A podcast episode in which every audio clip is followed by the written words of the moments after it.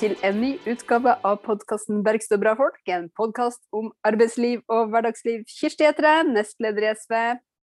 Ingrid Wergeland heter jeg, og jeg er kommunikasjonssjef i Manifest. Vi har snakka med Einar Nemi. Han er professor eh, og knytta til Universitetet i Tromsø. Eh, og medlem i Sannhets- og forsoningskommisjonen. Det er en kommisjon som er oppretta av Stortinget etter forslag fra SV. Eh, og som skal rett og slett granske fornorskningspolitikken og urett overfor samer, kvener og norskfinner. Intet mindre. Ingrid, du har jo et eh, si, nært forhold til Einar Nemi fra mange år tilbake, så du har jo Ja. gleda deg veldig Jeg har gledet meg, veld, meg veldig til denne praten. fordi jeg må også bare skyte først at våre lyttere, våre oppmerksomme lyttere, vet jo eh, godt om denne kommisjonen. fordi vi hadde jo Aslak Syse her som gjest eh, for en eh, kanskje seks-syv episoder siden. Men i dag skal det handle mer om kvener, for det har jo vært eh, kvenfolkets dag nå nettopp. Eh, I tillegg så har vi jo snakka om, eh, om sannhet og eh, forsoningskommisjonen knytta til 6. februar i fjor, så det har jo vært et, en gjenganger, et tema. Absolutt. Tema. Men, eh, men la meg fort skyte inn eh, mitt, eh, min entusiasme for, eh, for at vi skulle intervjue Einar Niemi. Det er jo nettopp at eh, jeg har jo snakket med ham før. Eh, Nå er det faktisk 20 år siden, men for 20 år siden så intervjuet jeg han til en fem episoders eh, radiodokumentar om kvenene. Den het rett og slett 'Kvenene vår ukjente minoritet'. Og eh, her om dagen var jeg inne og leste litt eh, på Altaposten. Og hva lå der? Jo, der lå det en reportasjeserie som het 'Kvenene vår eh, Hva var det, da? Vår glemte minoritet. Hmm. Ja. Ja, sånn at den tittelen eh, den står seg nesten ennå. Og jeg har en bok faktisk som fikk av noen av de kvenene jeg intervjuet, som heter 'Kvenene vår tause minoritet'. Så her er det mange, mange varianter. Men er, alle disse titlene viser jo at det er eh, grunnlag og behov for mer kunnskap om kvenene. Og det er det jeg er så glad for at vi i dag skal få eh, av Einar Nemi. Fordi han, eh, han har en enorm kunnskap eh, som professor i historie, men også eh, med bakgrunn i hans families historie, som, som rommer veldig, veldig mye.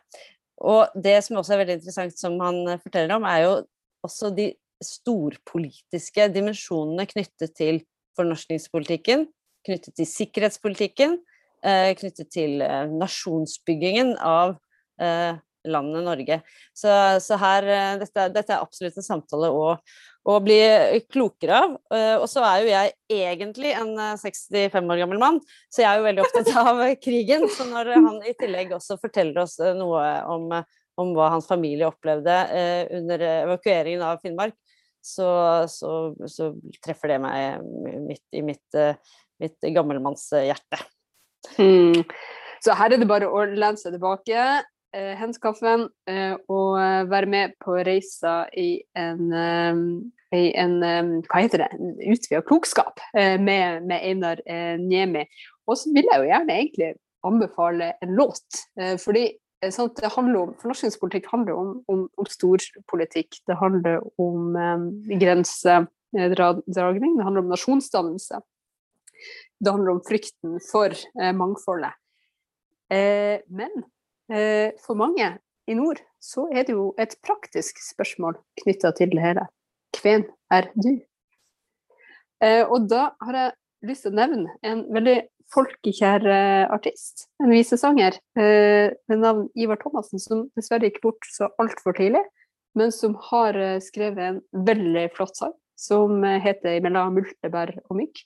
Og som rett og slett handler om hvem vi er, og hvor vi skal fære for å leite etter, etter svarene på, på det. Men som en start så er det fint å begynne hos en Einar Niemi.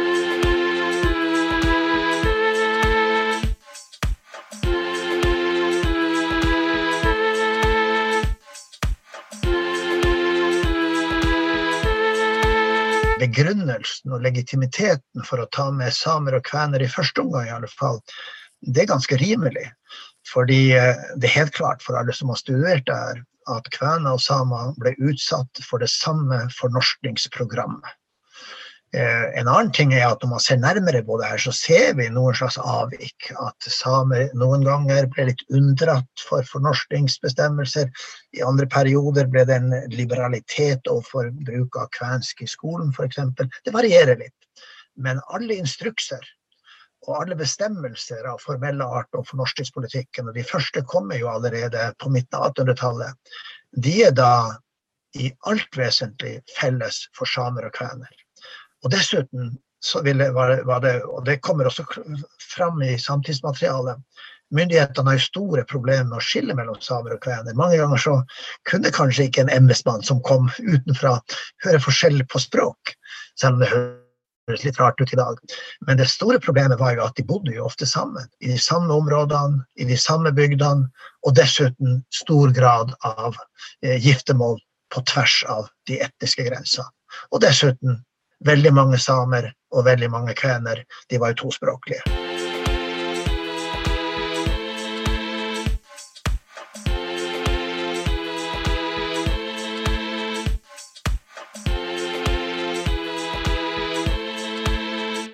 Jeg kan jo ta på min mors side, da.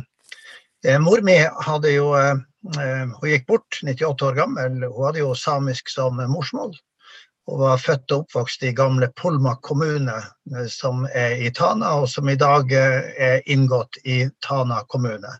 Men det er altså en kommune som lå oppe i vassdraget. Man kan si, for de som er kjent, eh, overfor Tana bru og helt fram til grensen mot Finland. Men det interessante i vår sammenheng er jo at i det miljøet der hun vokste opp, så var jo folk i utgangspunktet mm, tospråklige det var helt vanlig at man eh, hadde både samisk og finsk som hjemmespråk. Min bestefar f.eks., alle hans brødre og søstre, de var fullstendig tospråklige før de da lærte norsk. Men mange av disse her bodde jo sånn til ved skysstasjoner, det kunne være en kjøpmannsfamilie i nærheten osv. Slik at de møtte jo nordmenn veldig tidlig. Så f.eks. min mors familie de hadde en ganske stor gård akkurat ved vandringsveien, den gamle vandringsveien mellom havet ved Varangerbotn og Titana elv, altså over Seidafjellet. Og derfra tok man gjerne skyss med elvebåt ut, ut elva og til havet igjen, da. Slik at man møtte jo på den gården også norsk språk eh, veldig tidlig. Så min mor var jo da helt flytende på tre språk. Eh, samisk som var morsmålet, og finsk og norsk. Så eh, det her er jo da også en slags, en slags apropos til Thomassen sin, sin, sin, sin vise, da, eller sin sang. Eh, men også på min mors side, hvis man går langt tilbake i tid, så er det både kjempegamle samiske slektsrøtter, men også finske slektsrøtter. Ved at eh, min mors oldefar han kom som barn fra finsk Lappland. Han het Tapio, som jo er et gammelt uh, finsk slekts- og gårdsnavn. Det er for øvrig også navnet på den finske skogsguden, tilsvarende Pann i gresk mytologi. Så um, under litt sånn hyggelige stunder så pleide jo de gamle å si at vi var jo av gudeslekt, naturligvis. Men uh, min, uh, min uh, oldefar, altså, på min mors min tippoldefar på min mors side, han kom altså under veldig fattige tider, 1830-tallet, så ble han sendt med reindriftssamer over til norsk side i håp om at han skulle da komme igjen til en god familie, bli fostra opp og tatt vare på. Og det var jo veldig vanlig at det skjedde på Nordkalotten. Det har litt uh, dumt vært eh, betegna som den hvite slaven, barnesla, barnehandelen på Nordkalotten. Uh, veldig mange barn kom til Troms, og det er der det ble da skrevet litt tidlig om det allerede i 1830-åra. Men det var veldig vanlig. Man sendte altså barna av gårde i håp om at de skulle få det bra, og eventuelt at de kom tilbake når det ble bedre tider. Og sånn kom han til Karasjok, da, der han gikk på skole, ble konfirmant og bygde seg en karriere, og dro senere nedover Tanadalen, der han bygde gård og ble gift osv. Men hvor gammel var han da han kom til, uh, til Norge, da? Han var, det, han var, det var på 1830-tallet, så han må jo ha vært bare rundt kanskje åtte-ti år eller noe sånt. Ikke noe mer. Sendt alene, eller hvordan funka dette? Altså Folk var jo kjent på tvers av grensene. Det var jo familierelasjoner, det var kjentfolk og sånne ting. slik at uh, han kom nok ganske, ganske ensom til Karasjok, men språket fantes jo der. Karasjok var jo også en eh, kvensk bygd, i tillegg til at det var en samisk bygd.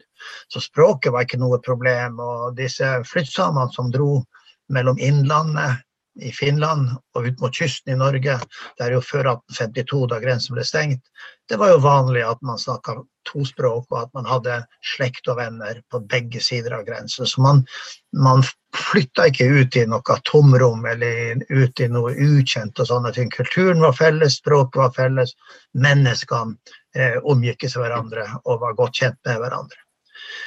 Eh, når, du sier, litt... Einar, når du sier at, blitt, at, det har blitt kalt for eh, den, hva var det, den hvite barners... Barnehandelen. Ja. Barnehandelen.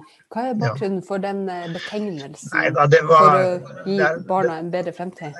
Ja, det er, det er, skrevet ganske mye om det her, men bakgrunnen for det hele er jo at uh, det var en prest i, i et prestegjeld i Sør-Troms på 1820-tallet som la merke til at det var så mange barn som fantes i prestegjeldet som fosterbarn. Og at de hadde da bakgrunn, i dette tilfellet i Tornedalen. De fleste hadde altså da finsk, tornedalsk-finsk bakgrunn og hadde kommet over. Og um, han ble egentlig litt sånn, uh, litt sånn, Og så ble det fortalt kanskje at disse som frakta barna, kunne få seg en godtgjørelse. I form av Det kunne være, det kunne være varer, og det kunne være penger. Men eh, han lagde, en, han eh, lagde, en, beskrivelse av det her, og det skapte ganske stor oppmerksomhet og mye spekulasjon da om dette ble utnytta av flyttsamere og det ene med det andre. Og sånn, eh, I den debatten som fulgte, så ble begrepet barnehandelen på Nordkalotten så å si oppfunnet. Men det er, et veldig, det er et veldig moraliserende begrep, og det dekker ikke over realitetene. Realitetene var jo at det var veldig tøffe tider tider, uår og det hele. Hunger som drev foreldre til å gjøre det her. Det er mange mange fortellinger om hvordan foreldre da i Nord-Sverige og Nord-Finland senere søkte kontakt med barna og, og sånne ting. Men eh, tragisk er det, men det var ingen sånn uh, hvit barnehandel. Det er et altfor sterkt begrep. Mm. Eh, vi kan jo kanskje da gå over, siden du spurte om slekta mi, gå over til min fars side. da. Og eh, min fars slekt kommer fra et, eh, et, eh, sted sør for Rovaniemi, og ikke langt fra bunnen av Bottenvika, som heter Tervola. Som i den gangen var et prestegjeld sammen med Rovaniemi. Og Tervola, det har jeg jo undersøkt nå på mine litt eldre dager, da, hadde veldig stor utvandring av folk. Eh, det var en bondebygd, en, en, en finsk bondebygd, og hadde veldig stor utvandring. Og det hadde å gjøre med mange ting. Men en av de tingene som jeg tror vel jeg har funnet gjennom min forskning, det er jo at forklaringen på den finske flyttingen på Nordkalotten, som jo på 1800-tallet ble en masseflytting, det var jo flere tusen mennesker som kom noen dro også videre til Amerika. Eh, den gamle fortellingen ble jo nesten en slags sånn myte som også satte et stempel på mange på, på kvensk historie. At flyttingen var primært en flukt unna sykdom og hunger og krig og fattigdom. Altså at alle kvener, alle som kom, var fattige, undertrykte, og at det hele var en slags desperat flukt mot ishavet for å livberge seg. Men går man nærmere inn i materialet, så finner man jo da for det første at veldig mange av de som kom, var bondesønner og bondedøtre. Og frie bønder i Finland var ikke den laveste sosiale klassen. Under der var jo, arbeids, var jo arbeidsvandrere, de som ble kalt fattige, og husmennene. Torpare, som det heter i Sverige og Finland. Men vi ser altså at veldig mange av de som kom, var barn av en besittende klasse. Av selveiende bønder som egentlig sto seg godt. Og det som er da min forklaring, og det er vel flere andre som har kommet til den samme forklaringen, det er jo at uh, grunnforklaringen ligger i demografien. Altså Av grunner vi ikke vet, så vokste befolkningen veldig sterkt i Nord-Finland og Nord-Sverige. Jeg skal plage dere med et lite tall. Man sier nemlig at i Vest-Europa allment før, før 1800-tallet så vokste befolkningen hvert år med en halv prosent. 0,5 prosent. Etter napoleonskrigene og etter de demografiske vendingene så steg tallet til 1,3% 1,5% Stort sett i hele Vest-Europa, også i Norge. Men i Lappland og i Nord-Sverige, der vokste befolkningen på 1700-tallet med ca. 1,5% Altså en veldig befolkningsvekst. Det vil da si store familier, og forholdsvis mange vokste opp.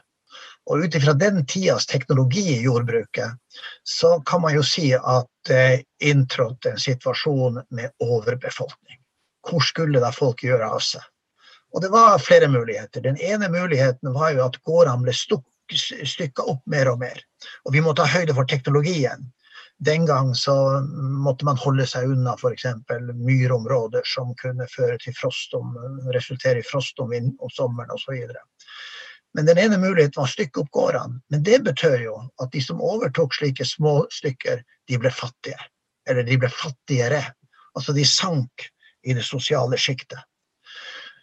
Og det var jo ikke noe spesielt uh, artig kanskje for sønner og døtre vel, på velstående gårder. Og det andre alternativet var rett og slett å flytte ut. Og der finner vi da forklaringen på at så mange flytta ut fra de finske bondebygda.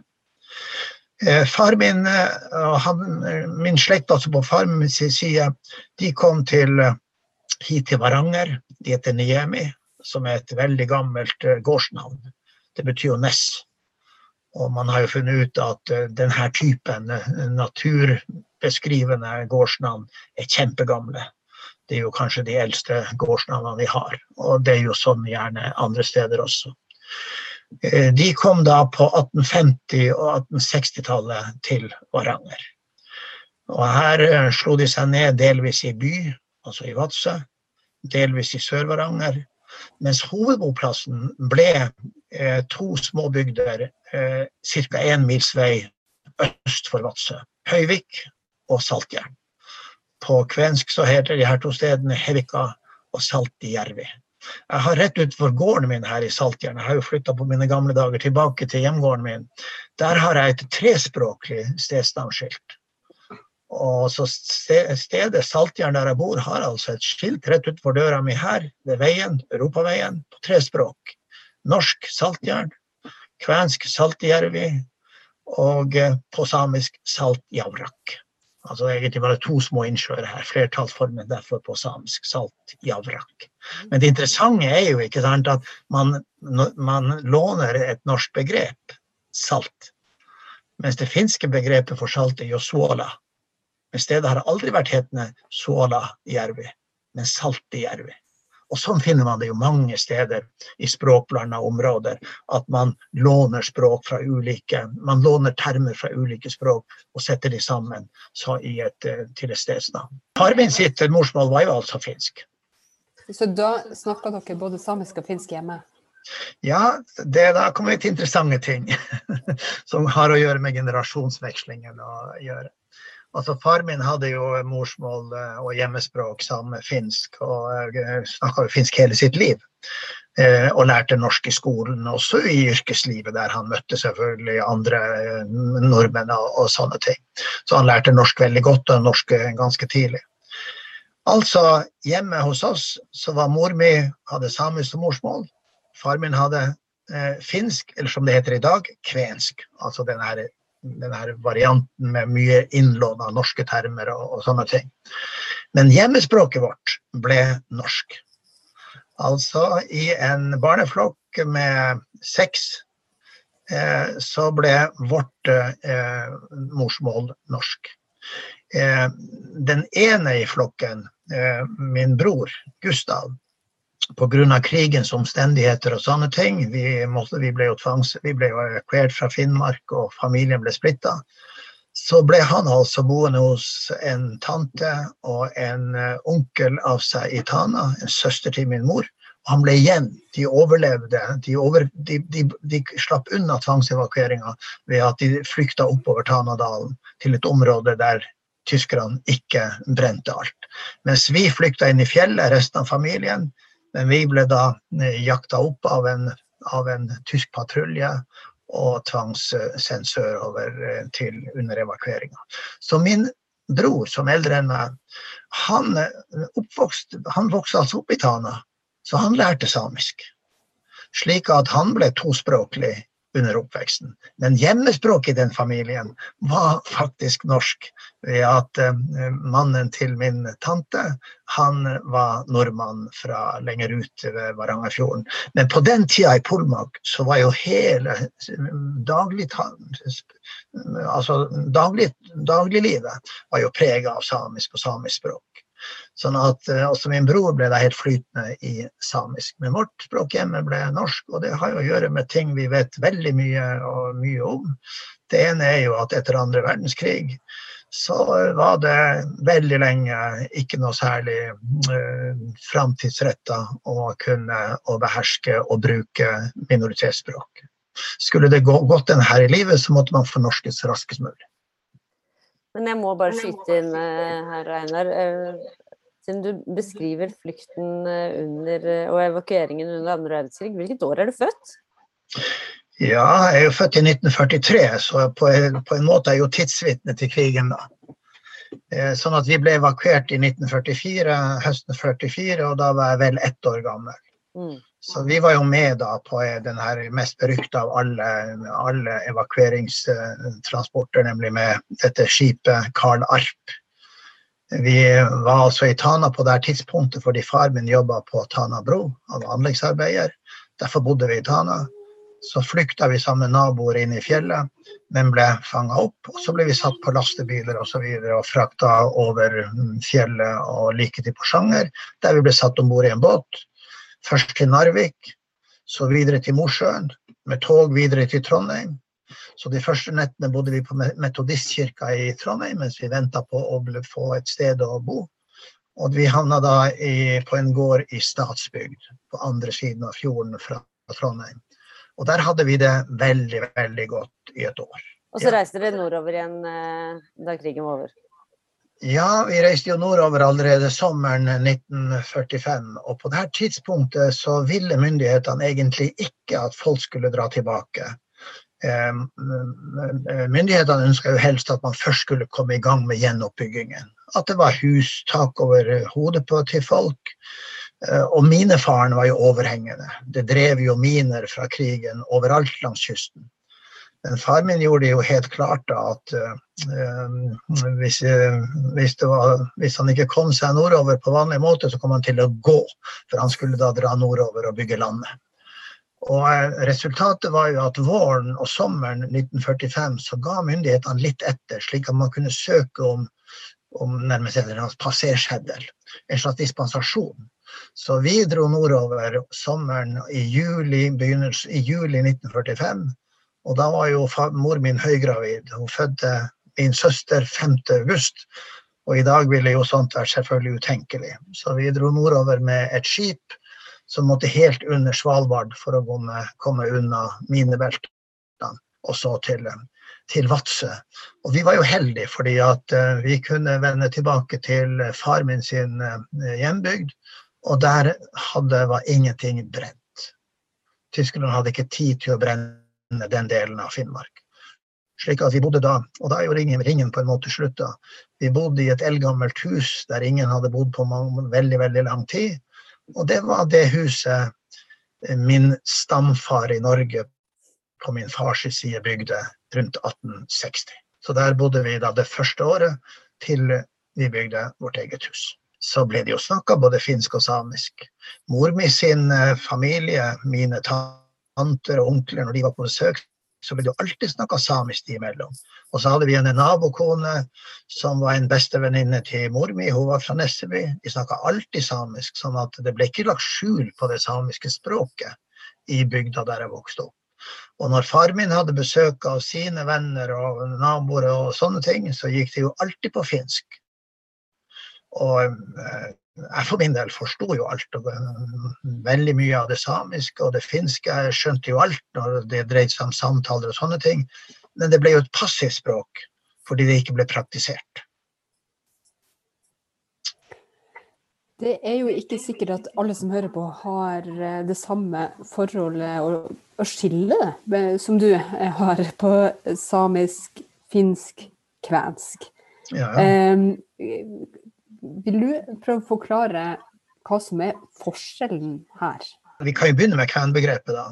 Um, det er jo et kjempegammelt begrep. Det går jo helt tilbake til uh, første gang det dukker opp i skriftlig materiale. Det er jo så tidlig som uh, på slutten av 800-tallet uh, i en såkalt Ottars beretning, som en veldig veldig kjent beretning, som også utgjør den første skriftlige kilden til norsk historie eh, beretta av en nordmann. Ottar som var en stor høvding i Nord-Norge som dro til London, handla på store markeder osv. Fortalte sin historie til kong Alfred av, av Wessex, som jo var veldig historieinteressert og skrev sin egen historiebok. og Sånn er den kilden over. Sånn at kvinnebegrepet er jo et begrep som i mange mange hundre år har vært uh, brukt av norske og i den tida vi var under sammen med Danmark, av danske myndigheter eh, om folk som har røtter i de finske områdene på Nordkalotten, og som da har flytta til Nord-Norge. Så dette er et begrep, et forvaltningsbegrep som har vært brukt i hundrevis av år. Nå er det jo en stor sånn filologisk debatt også om eh, oppkomsten til begrepet, hva betyr det og sånne ting. I korthet så kan man vel kanskje si at den rådende teorien er at eh, det er et landskapsbeskrivende navn. Man kan da tenke seg kanskje at nordmenn som kom over grensefjellene til Tornedalen, og det var allerede i middelalderen stor sånn kontakt mellom menneskene, handel, skattlegging, alt det der. Når de kommer over fjellene, så ser de altså rundt Botnvika et flatt landskap, et fuktig landskap, det er grasrikt osv. Og da er det én tolkning som står seg ganske godt, at dette er landskapsbeskrivende. At Kven og, kven, og Kvenlanda, det betyr et land som er lavtliggende, der det er gras, det er ganske frodig, er et jordbruksland. Og det har bl.a. å gjøre med det gammelnorske begrepet vein, kvein eller vein. Som kan bety gras. Litt sumpig mark og litt fuktig mark.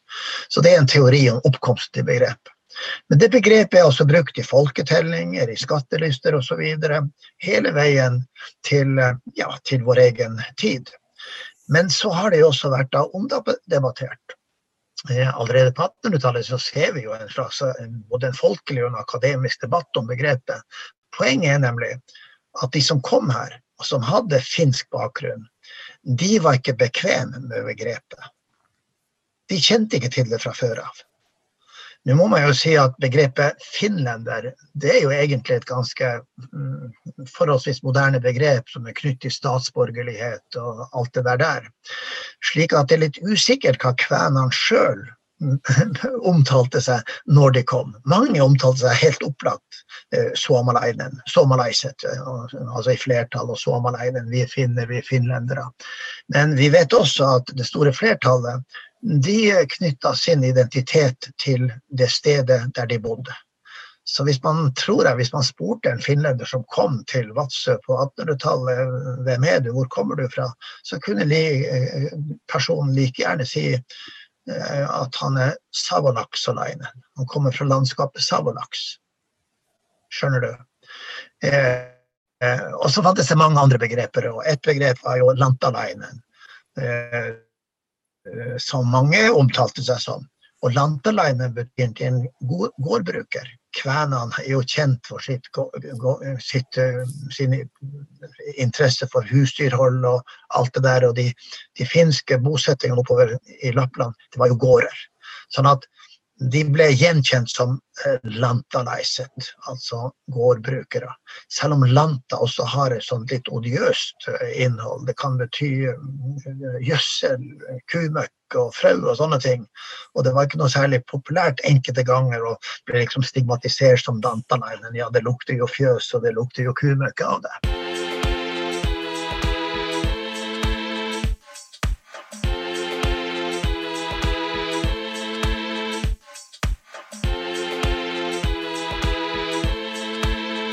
Det har jo vært litt eh, debatt rundt eh, det kvenske.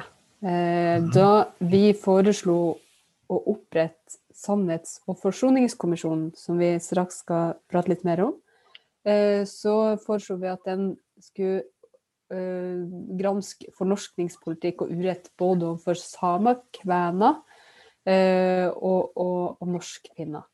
Da kom det en del reaksjoner, bl.a. fra Norsk-finsk forbund, som sa at de hadde stor forståelse for, eh, for at man skal ha en kommisjon knytta til de samiske forholdene, men, eh, men ikke i forhold til, til kvenene. Så det opplevde vi jo at det kom en del motstand på.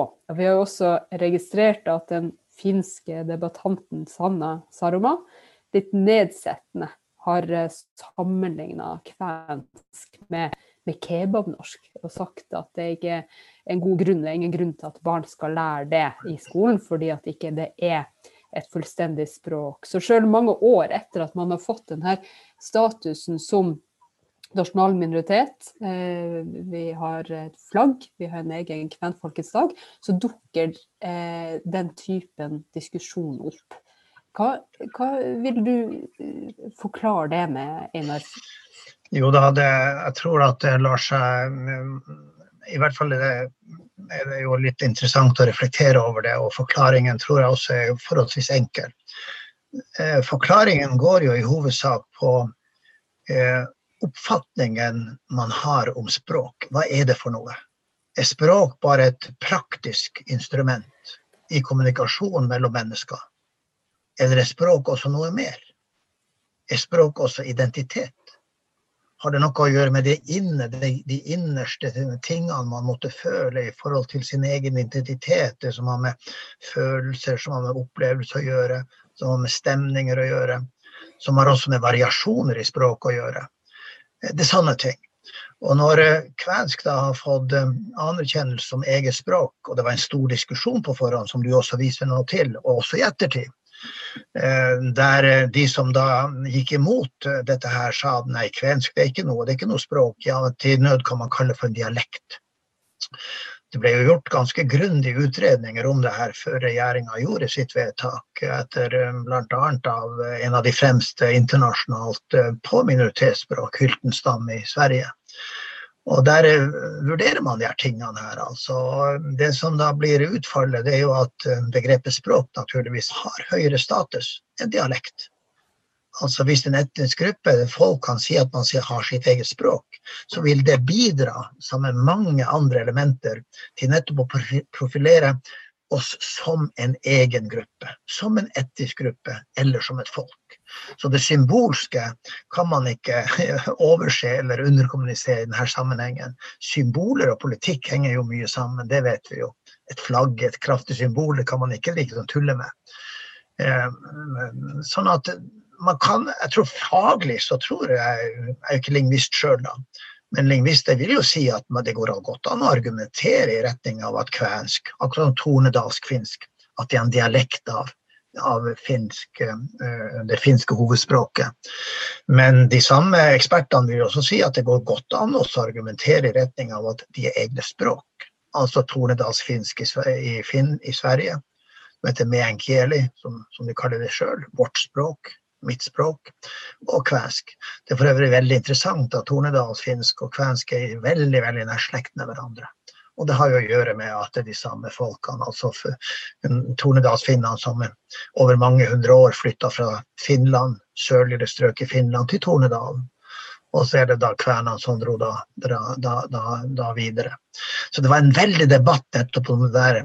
Og den debatten har vel lagt seg stort sett til nå, nå men men hun, som du refererte til, Sanna Saroma, hun ble en slags sånn der ettertids litt sånn røst som, som virka litt merkelig. For den debatten hadde jo pågått langt før, flere år før.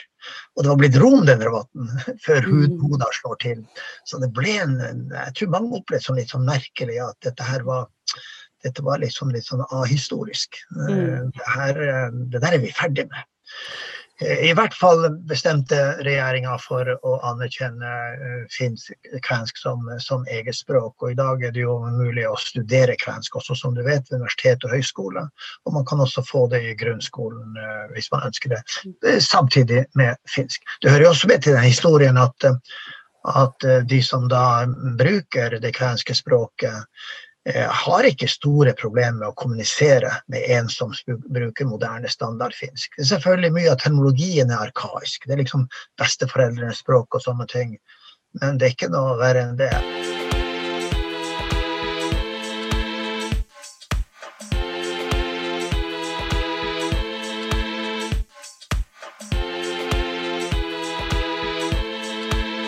Strid om, eh, som du nevnte, nevnte at norskfinnene var ikke særlig begeistra for å nedsette en kommisjon. Altså, Det der har også noe med tolkningen av historien. Og dere kjenner jo til at veldig ofte er det jo en kamp om historie. Hva er den rette historien? Og eh, blant i den norsk-finske organisasjonen, så i hvert fall var det den gangen da det her ble kraftig diskutert, så var det altså ganske mange som mente at uh, det å granske fornorskning overfor eh, norskfinner, dvs. Si den samme gruppa som kvenene, det er jo håpløst, for vi er aldri fornorska. Altså at man på en måte tolker historien annerledes. Og det er en tolkning av historien som går i retning av en Det er ikke en undertrykkelseshistorie. Det er også en tolkning som på en måte, bevisst eller ubevisst, sikter mot en slags rehabilitering. Vi har alltid klart oss godt. Vi har ikke vært fattige. Vi er ikke blitt undertrykt. Vi har aldri blitt fornorska. Men vi har tilpassa oss frivillig til det norske samfunnet. Lært oss norsk, norsk og blitt gode norske borgere. Og klart oss utmerket her i landet. Så det, det der ser man en parallell til i mange mange sammenhenger, særlig der det dreier seg om f.eks. sosiale klasser, men også etnisitet. At tolkningen av historien det blir på en måte en sånn kamp om om den rette tolkning som passer for mitt prosjekt. Som passer for det jeg står for politisk. Eller etnopolitisk. Ja. Sannhets- og forsoningskommisjonen skal jo granske fornorskningspolitikk og urett. Eh, vi vet at eh, du ikke kan, selv om jeg er nysgjerrig når jeg vil fortelle oss hva som eh, det diskuteres internt i kommisjonen, og hvilke forslag som kommer derfra. Men mm. grunnlaget for den, det kan vi jo snakke åpent om. Eh, ja. Og en av grunnene til at eh, kvenene eh, ble med og innlemma i eh, dette arbeidet, er jo at man på mange måter har lidd den samme skjebnen som det samiske folk som, som bosatt nærme, nærme grensa. Kan du si litt om bakgrunnen for for eh, Sannhets- og forsoningskommisjonen, og, og, hvorfor du tenker at det her kommer til å være et viktig arbeid for mm. fremtida? Ja, bakgrunnen kjenner du jo godt til, da. Det ene er jo at eh, særlig i samiske miljøer så hadde man i noen år faktisk gitt uttrykk for at man ønska en sannhets- og forsoningskommisjon. Og det var jo spesielt etter inspirasjon fra den canadiske sannhets- og forsoningskommisjonen, som da ble oppretta, tror jeg, i 2008 og var ferdig med sitt arbeid rundt 2015. Eh, eh, og især i det samiske miljøet så, så man veldig mange paralleller til bakgrunn for den canadiske. F.eks. internatskoler for, for uh, indigenous, for minoritetsgrupper, inuitter indianere osv. Og, uh, og man uh, så mange andre paralleller til, uh, til kanadisk minoritetspolitikk osv. Selv om det også var mange ulike ting. Blant annet var dimensjonene i Canada så mye mye større. Mange mange flere elever, det dreier seg om mange flere, flere hundre tusen. Og skolene ble drevet ganske tøft av kristelige organisasjoner. Men det var paralleller. Eh, og den sørafrikanske sannhetskommisjonen kjenner man jo også til. Så det var en internasjonal inspirasjon som lå til grunn. Eh, men det skjedde jo ikke noe sånn særlig før vi fikk dette Dokument 8-forslaget som, eh, som, dere var med på. Som du var med på, Kjersti. Ja, det var jeg, Torgeir Knag Fylkesnes, min nestlederkollega, kollega, som førte det som fremma det. Og det, er jo da det, mm. det, er jo da det ble fart i saken. Altså at uh, Stortinget tok opp det hele, og så kjenner vi jo til hva det heter, resten er historie. um, og mandatet ble lagd. Eh, jeg må da kanskje innledningsvis si at eh, jeg er ganske imponert over eh, mandatet og forarbeidene som Stortinget gjorde. Veldig reflektert og argumentert hele veien. Veldig godt. Og mandatet er klart formulert. For det første så skal altså kommisjonen undersøke fornorskningspolitikken historisk. Det er forventa at vi snur alle steiner. Vi skal gjennomgå all litteraturen som finnes. Men vi skal også kunne gjøre egen forskning hvis det er nødvendig. Supplere den litteraturen som allerede finnes. Det andre vi skal gjøre, som er ganske spennende, det er å se på virkningshistorien. Altså hva slags virkning har de ulike tiltakene fått? Og det er jo mange slags dimensjoner som da gjør seg gjeldende. Virkninger på skolegang, karrierer, men også sånne psykososiale virkninger. Hva har det hatt å si for folks egen opplevelse, for folks eh, eh sjølrespekt, eh, plass i samfunnet, undertrykking, diskriminering, som jo også ikke bare er noe faktisk, men også noe som er individuelt opplevd. Så virkningshistorien den er spennende, og den jobber vi veldig systematisk med nå. Eh, der det også er mye snakk om eh, å redegjøre for sentrale begreper. Hva er sannhet, f.eks.? Og hva er forsoning? Slik at disse begrepene har vi hatt, eh, og det er jo ikke noe å legge skjul på, jeg avslører ingen hemmelighet, det har vi hatt veldig mye, jobba veldig mye med i Sannhetskommisjonen. Sånn at vi er kommet et ganske langt stykke på vei når det gjelder de to første punktene i mandatet for norskingspolitikken og så eh, virkningshistorien. Og det tredje er selvfølgelig at vi da skal foreslå eh, tiltak. Um, så der er, vi, der er, vi, i dag. Det er et spennende, arbeidskrevende eh, arbeid. Og det er uh, Når samer og kvener faktisk Jeg tror det var ett år ute i arbeidet vårt, så ble jo også etter initiativ fra skogfinnene, så ble jo de også tatt med.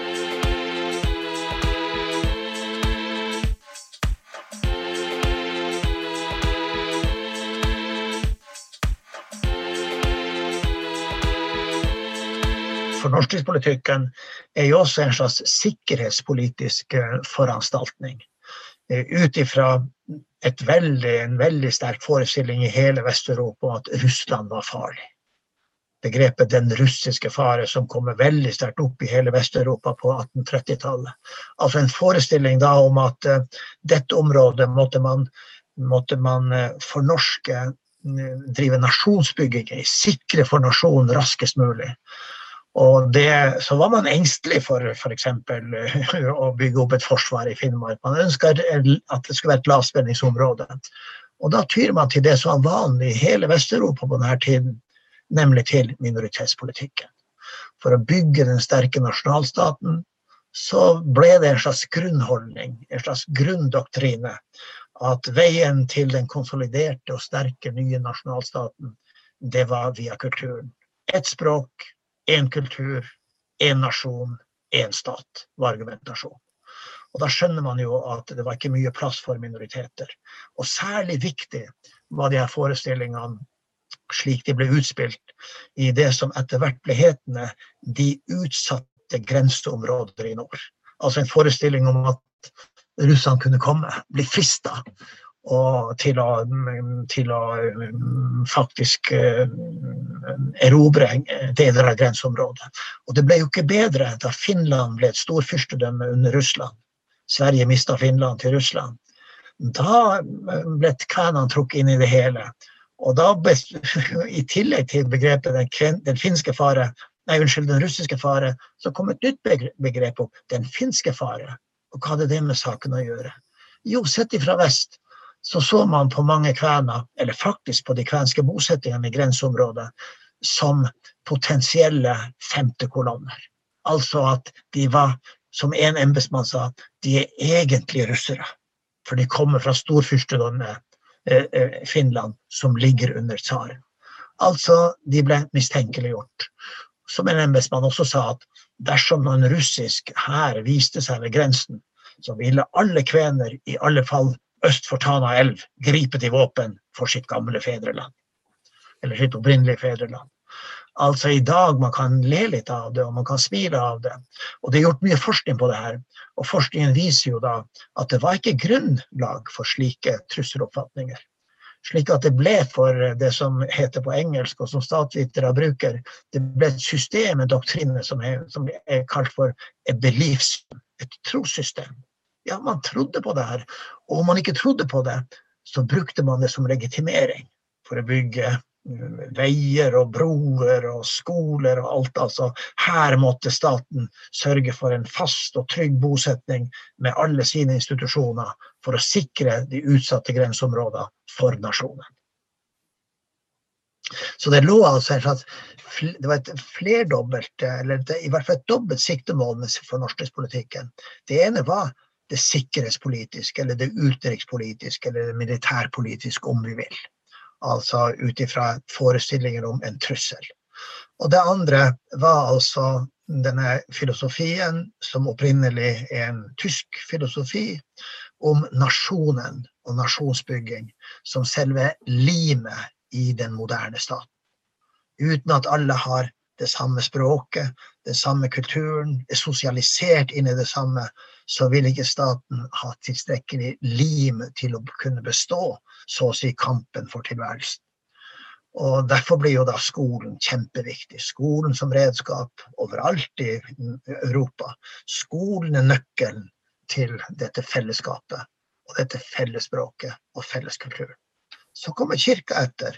Eh, av og til har jeg følt at kirka lunta jo etter, men kanskje to skritt eller ett skritt bak. For kirka hadde jo litt problemer med det der. Vi er en protestantisk statskirke. Og hva var nå Luther, som jo er bakgrunnen for det hele, hva var et av hans store, store, store ideer? Det var Guds ord på morsmålet. Hvordan kunne man forsvare da å fornorske sterkt barn og konfirmanter som hadde samisk eller finsk bakgrunn, hvordan kunne man ha samvittighet til å gjøre det ut ifra den protestantiske læra? Og når listadanismen kommer, som nettopp sa at vi er de ekte lutheraner, vi er de ekte, de brukte jo morsmålet i enhver sammenheng. Og der det var naturlig, så tolka man. Samisk, kvensk og norsk. Det var listadanismens tre språk.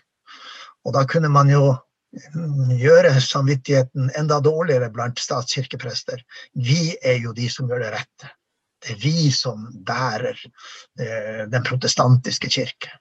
Og Derfor var det jo sånn at mange læstadianere de brukte ordet med stor K. Eh, læstadianerne de er de egentlige kristne. Mm. Kristendommen, det er læstadianismen. Og vi har jo undersøkelser på det, gjort forskning på det i senere år, bl.a. en doktoratsavhandling som viser nå, og det er nye bilder nå, veldig mange prester eh, var moderate i sitt arbeid for fornorskningen. Og mange var sterke motstandere faktisk også. Sånn at ikke så få prester lærte samisk og kvensk. Og ved Universitetet i Oslo i Kristiania var det jo helt fra 1848 egen, et eget kurs en egen sånn, et eget uh, språkkurs for prester som da skulle gjøre tjeneste i samiske og kvenske miljøer. Et kurs i, i kvensk og i samisk. Så der fantes også modifikasjoner spenninger omkring fornorskningspolitikken. Så det er ingen sånn lineær utvikling. Og det er modifikasjoner, det går i, litt i bølger. Og det er slett sikkert slik at uh, fornorskningspolitikken uh, var som et tog som var satt på skinner og det med videre. Målet ble på sett og vis aldri nådd. Det samiske språket ble aldri, forsvant jo aldri. Altså mange, Det overlevde jo. Og det kvenske språket overlevde også til langt, langt inn i etterkrigstida, eh, til tross for fornorskningspolitikken. Det er ikke lett å fornorske språklig. Og godt er det. Eh, Einar, takk for at du kom eh, til oss, for at du delte av din kunnskap. Mhm. Eh, vi har et lite spørsmål helt til slutt, fordi vi vet Ja. litt eh, mer om dine forfedre. Hvor du kommer fra, historien eh, til folket i nord. Men vi sitter og lurer nå på hva var din aller første jobb? Det kan jeg godt fortelle, for det husker jeg veldig godt. Eh, Ja. De aller første pengene jeg tjente, det var som fiskearbeider på fiskebruket i hjembygda mi. Og da var jeg ikke gammel, kanskje 12-13 år. Og for de pengene kjøpte jeg min aller første sykkel, som jeg sjøl eide. Det kosta, husker jeg veldig godt, den svimlende sum 448 kroner. Og det var en stor sum den gangen. En flott sykkel. En veldig flott sykkel. Det var det. Ja. Tusen hjertelig takk for at du var med oss i dag. Takk til deg som hørte på. Eh, Fortsett med det. Eh, Du må gjerne abonnere, del og eh, anbefale podkasten videre. Og så ønsker vi deg, Einar Nemi, lykke til med arbeidet i Sannhets- og forsoningskommisjonen. Vi gleder oss veldig til å følge med og se hva som kommer ut av det.